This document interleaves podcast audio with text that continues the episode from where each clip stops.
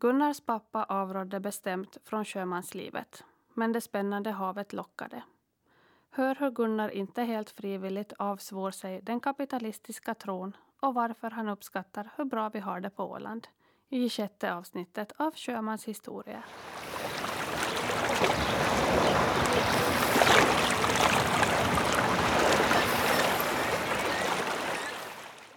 Sitter jag här med Gunnar Lindeman och du är pensionerad Sjökapten, ja. sjökapten. Mm. Ja. Hur kom det sig att du får till sjöss? Ja, min far var ju sjökapten. Och så sa han att du får välja vilket yrke du vill men du ska inte fara till sjöss. Därför får jag till sjöss. Ja. Tyvärr är det så. Och vad sa han då? Ja, vad kan man säga? Inte, inte kan jag väl påstå att han uppskattade riktigt heller. Inte min mor heller. Men jag hade, det var nog nästan som ett, ja det var nog som ett knark det där. Att det såg man hörde när han var hemma och satt och pratade med, med seglarkollegor då om främmande länder och städer och det fanns ingen TV när jag var barn. Så det där var ju väldigt exotiskt, tyckte jag. Så tänkte jag att nå, det där vill ju jag pröva på också. Mm. Sen kan hända man ändrar sig när man får familj. Men då, då är man oftast fast där. Nu är det ju, hade jag ju den turen då i, här i, för- sen att, att det fanns färjor. Ja. Så man kunde ju komma närmare. Men, men i ungdomen var jag ju på G då, Gustav Erikssons, Gust- Gustav Erikssons fartyg. For världen runt. Faktiskt. Spännande. Ja, det var det. Och det var kul så länge man var ungkarl och spelman. Då var det bara roligt nästan. Och sen blev det ju lite allvarligare förstås. Ju högre upp man kom i rang också, då fick man ju mer ansvar förstås. Precis. Så är det ju. Mm. Mm. Hur gammal var du när du for ut? Ja, den första gången var jag 15. Ja. Jag var inte så gammal. Men då var det bara på en, en, en färja här mellan Stockholm och Mariehamn. Det hette SS Drotten. Det var en stim, stimbåt. Ja. Men jag var ju bara 15 år också så jag var inte så gammal. Men det var ju väldigt många i min ålder som Väldigt många ålänningar i min ålder som har varit ut och prövat. Och sen kom vi underfund med att nej, det här var väl kanske inte min grej. Men jag fortsatte. Mm. Jag provade nog att jobba i land för att tillmötesgå mina föräldrar då, men jag kände att nej, det, det, nej, det var ut på sjön jag ville. Så så blev det så. Vad var det som, som gjorde att de inte ville att du skulle fara? Att, Eh, Nå, det var ju det här, min mor var ju ensam då, vi är fem syskon. ja. Och jag minns att eh, sista gången då som min far var ute på, så var han borta 26 månader. Jag var, jag var, jag var 10 när han for och skulle just fylla 11 och så fyllde jag 13 när han kom hem. Ja, det är lång tid det. Det är lite onödigt långt. Så är det ju inte idag alls men, men det var ju närmast det de tyckte att han menade inget värdigt liv, familjeliv. Mm. Så det är mycket borta. Och sen bestämde du att det var din grej och att... Det var min grej, ja absolut. Och sen började jag ju studera då i navigation. Mm. Sen var man ju där, får man väl säga. Ja. Men sen hade jag ju turen då att jag kom, att jag kom hem då och började på färjor sen när jag gift, efter jag gifte mig och bildade familj. Och min fru var ju faktiskt med på en par båtar i Gustav Eriksson så hon tyckte att det var väldigt kul. Men det går ju så länge man inte har barn. Precis. Så är det. Var seglar ni då? Nå, vi seglar nog världen runt om jag säger. Jag var mycket på Erikssons kylbåtar då. Så jag har varit igenom de här, eh, om man säger kanalerna som finns. Jag har ju bott vid Lemströms kanal för all del.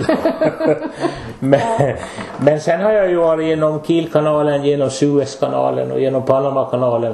Och så Ja. har jag varit genom Korintkanalen som inte så många har varit. Okej. Den är i grekiska skärgården. Precis. Ja. Ja. Det är väldigt rak genom berget. Det var lite exotiskt. Också. Vad gjorde ni där? Vi körde igenom där. Vi kom, vi kom från Rumänien med, med, vi hade kött. Okej. Och det var lite extra där därför att, eh, jag kommer så väl ihåg det för att, att vi fick ett turbinhaveri så vi blev liggande i, i Grekland. Okej. Och det var tillika med den här, du kanske inte minns det, men det som de kallar för Neilike-revolutionen. Alltså Grekland var ju då militärjunta som styrde. Ja. Och sen tog ju andra militärer makten va? Ja. och införde demokrati. Men vi hade reservdelar som låg i tullen. Och på grund av den där oredan då i Grekland så, så blev det försenat. Och den där lasten skulle ha blivit väldigt mycket dyrare om vi hade kommit in efter nyår. Så därför åkte vi genom Korintkanalen vid Gina och jag kommer ihåg att vi förtöjde klockan tio på kvällen i Italien, nyårsafton. Och de kom, lastmottagarna kom ombord i frack Jaha. med champagneflaskor med sig. Ja. För att de vann en massa pengar på det. Skulle, tull, alltså det har blivit högre tull om det hade gått in på nästa år. Okej. På den ja. köttlasten. Vi hade filéer och djurkroppar och griskroppar. Och, alltså det var ju kylbåt så det, var, det var ju 20 grader kallt i rummen. Just det. Ja. Så var det.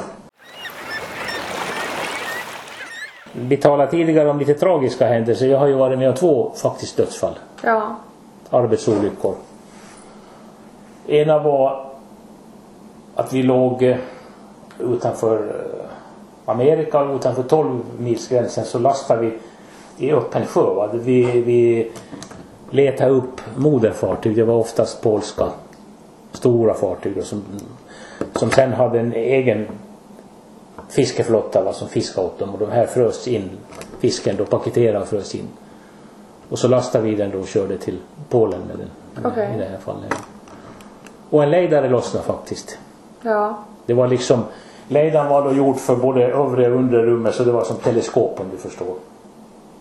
Att man sköt upp när man stängde undre rummet så sköt man upp lejdaren att den inte skulle vara i vägen för luckorna, lastluckorna. Okej. Och jag var där och klättrade och en Gus Palmqvist var också med och jag tror att han var dit ännu sen efter mig. Och sen när de polska stuvarna kom upp så sista på lacken så lossnade hela ledaren förstår du. Och han ramlade ner i tomma rummet och fick ledaren över sig. Nej. Ja. Och slog ihjäl sig förstås. Så jag fick den där trevliga uppgiften sen att fira ner ett ämbar med varmt vatten och en trasa och avlägsna spåren efter händelsen. Vad, vad var din befattning då? Då var jag matros. Ja. Då var jag manskap ja. Mm. Och sen var det en som tyvärr blev ihjälklämd av en lastlucka. Det var båten efter jag kom till det. Mellan, mellan skottet och man ser väggen då på masthuset och luckan så kröp han emellan när de höll på att köra upp luckan. Oj. Och Ja. där, där fanns inte utrymme tillräckligt. Det var ju mindre trevliga saker men eh, sådant är livet. Man får ju vara glad att man har klarat sig själv. Ja. Men inte var det ju bara, inte var det ju bara otrevliga saker. Vi hade ju mycket roligt också. Förstås.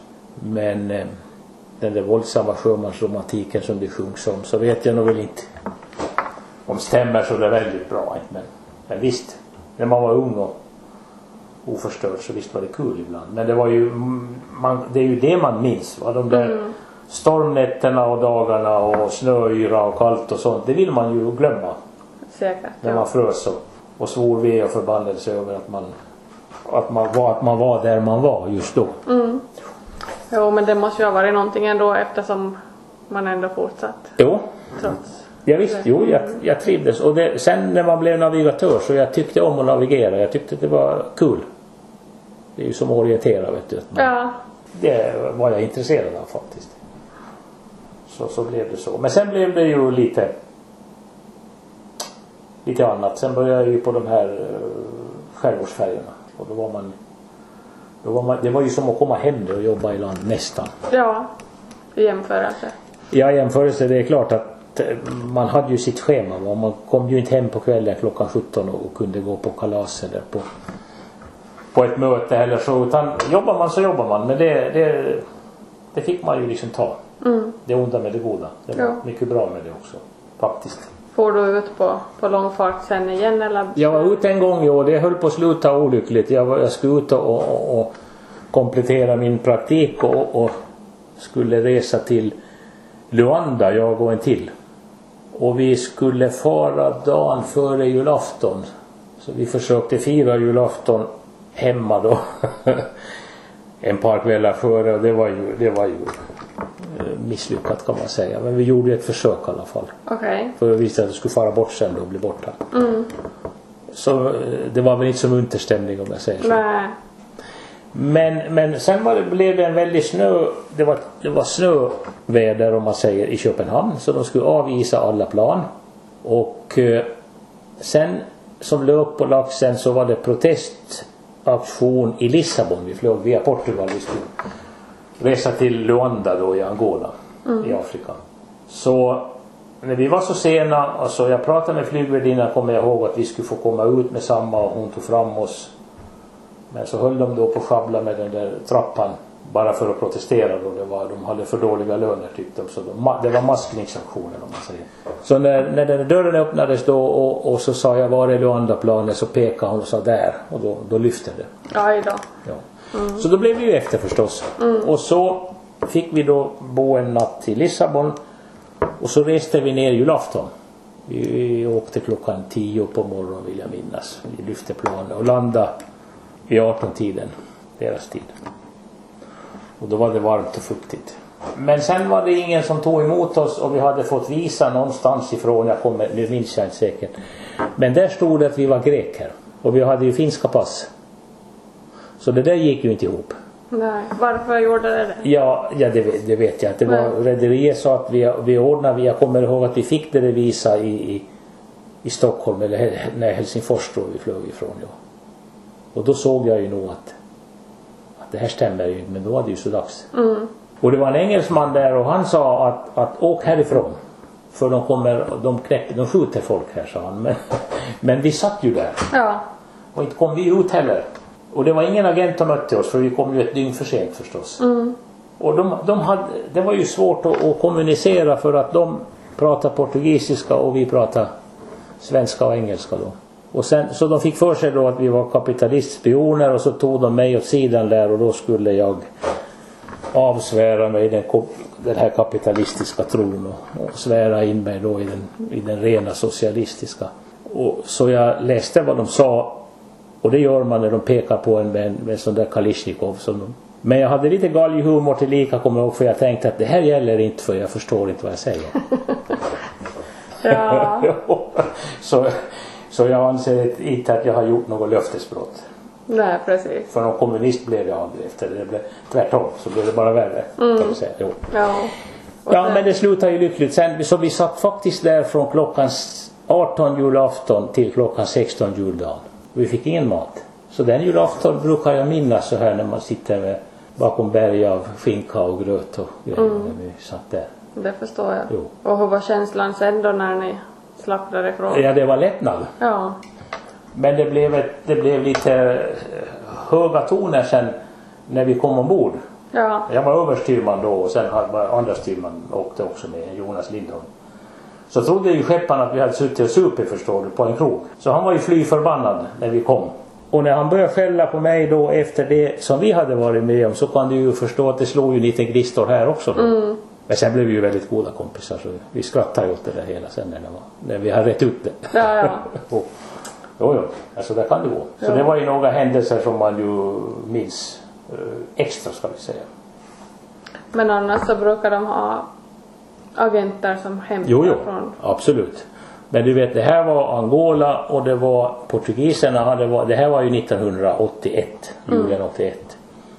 Och portugiserna hade lämnat det där och så blev det ju som det blir i, i, i många länder där du har en där européerna har varit och sagt att så här och så här så här ska det vara och så far de, åker de därifrån och så blir allt ett enda missmäss. Tyvärr. Och så var det ju där. Det var Ja. ju ingenting som funkade egentligen. Tyvärr. Det var långa resor. Det var långa resor ja, men det var det på den tiden ja. Och, och egentligen så eh, ju längre resorna var desto bättre tyckte man att det var. Då gick allt sin lugna gång. Man, man körde sina vakter och, och det knallade på. Allt var frid och fröjd då. Ja. Får man väl säga. Sen var det bara oreda när man kom i hamnarna. Jaha, okej. no, inte, inte alltid men att det, då, då, då skulle allting hända förstår du. Det skulle lossas och det skulle lastas och det skulle provianteras och det skulle vara ja, förnödenheter och så vidare. Och det hände alltid någonting då sådär. Så, sen var det lugnt igen när vi gick ut. Mm. Men det var ju kul att komma i hamn emellan förstås och träffa folk. Precis. Ja. Ja. Och se sig om lite och komma underfund med att vi hade nog ganska bra, vi har det nog ganska bra här. Ja, det var en sån insikt man fick. Eh, Man fick nog en sån insikt, jo. Absolut. Och det är nog nyttigt tror jag för alla att se lite hur andra har det. så kommer man underfund med att inte har, det så, inte har vi det så pjåkigt. Precis. Tycker jag. Jo, du pratade om att, att, att du var borta flera månader i stöten och att man var liksom helt avskärmad från vad som hände här. Då fanns ju ett internet och, och tillgång till nyheter och, och sånt. Att, hur kändes det att komma hem efter en så lång tid borta? Jo. Nej, det var nog kul att komma hem. Jo, om jag skulle spinna vidare först på det där. Man var faktiskt på sidan om samhället. Och ibland så tyckte man att vad betalar jag skatt för? Men eh, så där är det. Jag, jag kommer ju ihåg när jag kom hem en gång. Men då hade jag ju varit borta bara fyra månader. Och vi hade varit i Australien med båten och så jag kom hem. Res, jag reste hem från Sydafrika. Eller vi var ju flera. Och eh, så ringer personalchefen. Jag kom hem på morgonen och jag hade rest långt över ett dygn så jag var lite trött. Att han tyckte. Min fru mötte jag i dörren för hon gick på jobb. Mm. Och så ringer personalchefen och säger att hörru du ska du komma hit. Och så sa jag att det gör jag men jag måste sova några timmar. Och när jag kommer till kontoret så säger han att hörru du nu måste vi ha en kille då. Det var till Granö den här roll-on roll-off båten. Att vi har ingen med, med papper. Och du får fara dit som överstyrman. Och jag sa att nej men det gör jag ju inte. Jag har ju varit borta i fyra månader. Ja. Ja, ja, men vi har ingen, det, det, du egentligen skulle du borde vara sex månader, att det, du är nog bara att du far. Och så stred vi en stund och så sa jag att, "Nå, men jag far väl då. Och så drog han ut skrivbordslådan och sa att det var väl det jag förstod, sa att här är biljetten. sa. Färdigbokad. Du, jag är färdigbokad, du reser imorgon bitti. Då. Ja. Men jag behövde vara där bara en månad så det det är ju som en vecka nu det då. Eller en vecka nu. Man tyckte att en månad är väl ingenting när man var ju borta så länge. Lite snopet ändå. Ja, det var ju lite snopet. Visst var det ju det. Men, eh, men det var så lite på den tiden. Idag skulle ju ingen acceptera någonting Nej. sånt. Men, eh, men nej, då var det så. Jag var, ju, jag var inte så fruktansvärt länge borta men jag var i alla fall nästan 14 månader. Men Det då är var, nog länge det. då var jag ju som ungkarl. Ja, men det är ju över ett år. Det var över ett år ja och då eh, det fanns ingen, eh, som sagt, inga telefoner som gick då. Skulle man ringa hem och prata så gjorde man det ju då via en kustradio. Och det gick ju ut i etern så man visste ju att att det är många som lyssnar nu på det här samtalet. Mm. Man kunde även i, sitta i land och, och ratta in radiostation. Jag vet att det fanns folk som sysslade med det som satt och lyssnade på vad sjömännen. Uh, ibland hörde man sådana roliga samtal att hörde du måste ringa från land någon gång sen. Då var det något viktigt som skulle avhandlas. Just det. jo. Så, så visst, visst. Sen var jag ju då som, som nygift, ja det här var ju då det. Då var, jag, då var vi ju ny, nygifta men då hade hon varit med min fru. Men sen for jag ju igen då, då var jag borta åtta månader. Ja. Och då började jag fundera att vad är det här egentligen jag sysslar med riktigt. Och sen började man ana det här med Gustav Eriksson också. Det, det gick ju omkull sen några år efter. Just det. Att jag tänkte att medan jag är ung och någorlunda attraktiv på arbetsmarknaden så ska jag försöka, försöka få något nytt. Något lite närmare då. För vi hade börjat bygga stuga och hade beställt sommarstuga. Jag tänkte vad, vad roligt ska vi ha en stuga till om jag inte hemma och kan bygga den och inte heller kan vara där bara någon gång. Va? Så sen sökte jag mig närmare. Jag hade först, jag hade jobb på SF Line och jag, men jag kom sen till, till de här landskapsfärjorna då. Ja. Och det trodde ju många sen efteråt att det var för de höga lönerna skulle och det var det ju inte alls utan det var ju för att jag skulle få vara närmare hemma. Och inte var ju lönerna så det fantastiska heller som folk trodde men man levde bra på dem, det var inte fråga om det. Så jag, jag klagar inte. Men hur var det när, när du kom hem då och eh, umgicks med, med människor? var du, kände du dig liksom utanför? Ja, jag kommer ihåg när jag kom hem då så sa min, ja vad var dottern då? Hon var två, två och ett halvt, tre. Och så fick hon ju naturligtvis inte som hon ville då med samma så sa hon, "Hörru pappa du kan nog få tillbaka till Afrika. jo, det tyckte hon att var ett passligt land för mig. Just då. Ja. Jo, så det är klart att det. Och jag minns ju själv när jag tänker efter att jag var ju rädd för min egen far när han kom hem. För man, det var ju en främmande farbror som, som kom. Om han var borta över två år. Ja, ja då, var jag ju, då var jag ju äldre och då var, då var jag inte rädd längre på det sättet. Ja. Men, nej men det är ju det är också tokigt. För jag var ju som sagt 10, nästan 11 när han for. Mm. Och jag hade ändrat mycket på den tiden. Vet du, mellan 11 och 13. Mm. Som man inte kanske riktigt förstod med samma. Inte det. Men det är ju sådär. Men men. Det är ju sjöfarten som har fört vårt samhälle framåt också. Absolut. Så. Och jag minns en gång när jag stod och pratade med en befälhavare så sa han i min ungdom då när jag var ung styrman att- de som var på segerskutorna det var sjömän det. Så sa jag att jag har en tanke om att när vi blir gamla så kommer vi att säga att vi som var på på de här kylbåtarna och lastbåtarna och tankbåtarna då nu på 70-talet. Och det, vi var sjömän mot, mot som dagens är. Ja. Ja, jag säger inte att det är så men att vad gäller till att vara borta så var det ju så. Mm. Jo, jo, det är ju helt annorlunda. Jo, jo. Absolut. Men att jag tror att de är nog mycket mer stressade, dagens sjöfolk, än vad vi var. Jo. Så på det sättet kanske de behöver komma hem och vila emellanåt, att de inte stressar ihjäl sig. Men, men vi får ju runt världen och faktiskt på den tiden så var det så att nästan vart man än kom i en större hamn så såg man en, ett fartyg med en finsk flagga på Ja. som det stod Mariehamnjakten på. Och idag är nästan allt det där borta. Det är, ju, det är ju lite linjefart nu man kör vet du, stadigare linjer. Men då var det, då var det vildfart. De hade en finsk klubb där, kommer jag ihåg, i Sydney. Som heter Finnish Club förstås. och när man kom in där så fick man inte betala någonting. När man kom från Finland. Okej. Nej. Mat och dryck så det stod de för. Just det. För de tyckte att det var så kul att träffa. Även om vi, vi var väl inte finsktalande så många men, men, men de var, de, vi pratade, umgicks ju på engelska. Förstås. Ja. Även på finska delvis naturligtvis. Men.